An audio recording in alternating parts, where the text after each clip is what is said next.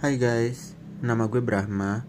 Em, jadi pada kesempatan kali ini gue lagi pengen ceritain pengalaman bisa dibilang pengalaman mistis gue pas gue masih kecil. Jadi sebenarnya gue banyak cuma mungkin gue nyeritain ini doang. Jadi eh, waktu gue kecil kan emang pas SD lah gitu. Itu gue kalau tidur itu kayak di satu ranjang buat kayak sekeluarga gitu kayak numpuk-numpuk di situ kayak ikan gitu. Pokoknya kayak tidurnya di situ gitu. Nah di suatu malam gue tuh nggak bisa tidur. Nah gue nggak bisa tidur kenapa? Gue nggak tahu biasa kan gue kalau tidur itu emang paling lama tapi ini tuh kayak lama banget gue nggak tidur tidur dan gue emang kebiasaan kalau tidur itu nutupin muka pakai selimut. Terus habis itu akhirnya um, walaupun ber AC ya gue tuh ngerasa sumpek gitu. Ini kok sumpek banget akhirnya gue buka tuh selimutnya gitu. Lo tahu apa yang gue lihat?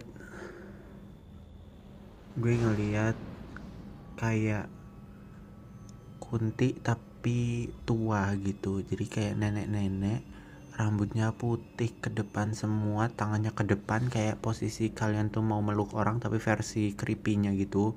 Yang kepalanya agak tengkleng ke kiri terus habis itu tangannya ke depan lurus banget. Nah itu tuh ngarah ke gue.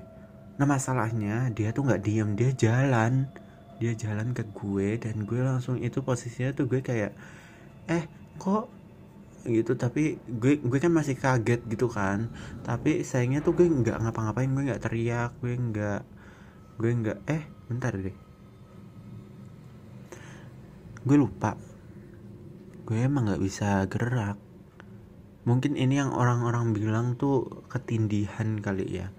Jadi gue um, gue tuh posisinya kayak lagi tidur kan um, tidur um, tiduran di ranjang itu ada yang melintang ada yang horizontal eh ada yang melintang ada yang vertikal gitu.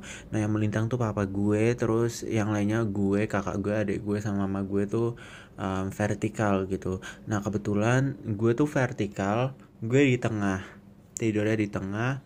Eh nggak di tengah juga sih gue agak pinggir tapi samping gue masih ada mama gue. Nah itu um, gue di situ dan nenek-nenek itu tuh ada persis di lurusan gue gitu jadi kayak di depan gue gitu. Jadi kalau dia maju dia tuh bisa langsung mendekati ke kaki gue gitu.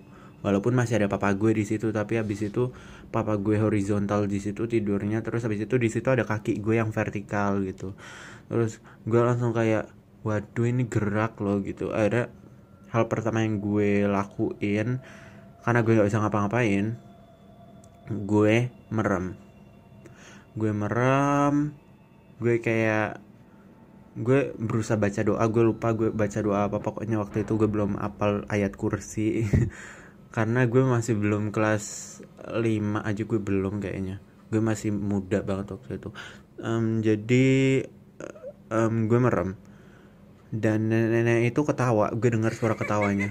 Kayak ketawa nenek-nenek gitu. Serem banget. Gue gue berkaca-kaca sekarang jadinya kan uh, terus akhirnya pas udah tuh udah selesai dia ketawanya udah selesai udah sunyi gue ngerasa udah aman nih gitu.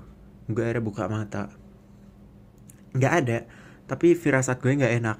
Akhirnya ekor mata sebelah kiri gue nangkep ada sosok nenek-nenek itu. Tapi kali ini kan tadi rambutnya ke depan semua kan putih ke depan semua terus kayak agak gimbal gitu kusut nah sekarang tuh rambutnya dikebelakangin jadi gue bisa lihat mukanya tapi gue nggak mau lihat. Posisinya kalian tahu posisinya itu jadi kalian tahu nggak sih kalau nenek-nenek itu kan agak bungkuk kan? Nah terus habis itu dagunya tuh kayak dilancipin ke depan kepalanya ndangak ke atas tapi matanya tuh ngelirik ke bawah ke muka gue yang lagi tidur.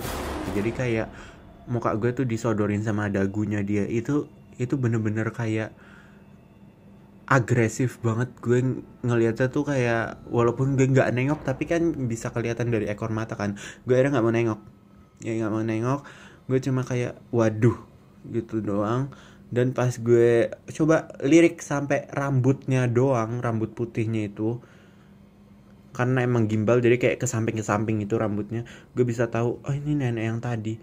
Waduh kok jadi di samping gitu gue langsung takut banget waktu itu gue langsung kayak mau teriak tapi nggak bisa teriak. Gue mau gimana nggak bisa dan dia tuh posisi tangannya tuh masih sama tapi bedanya kali ini dia diem.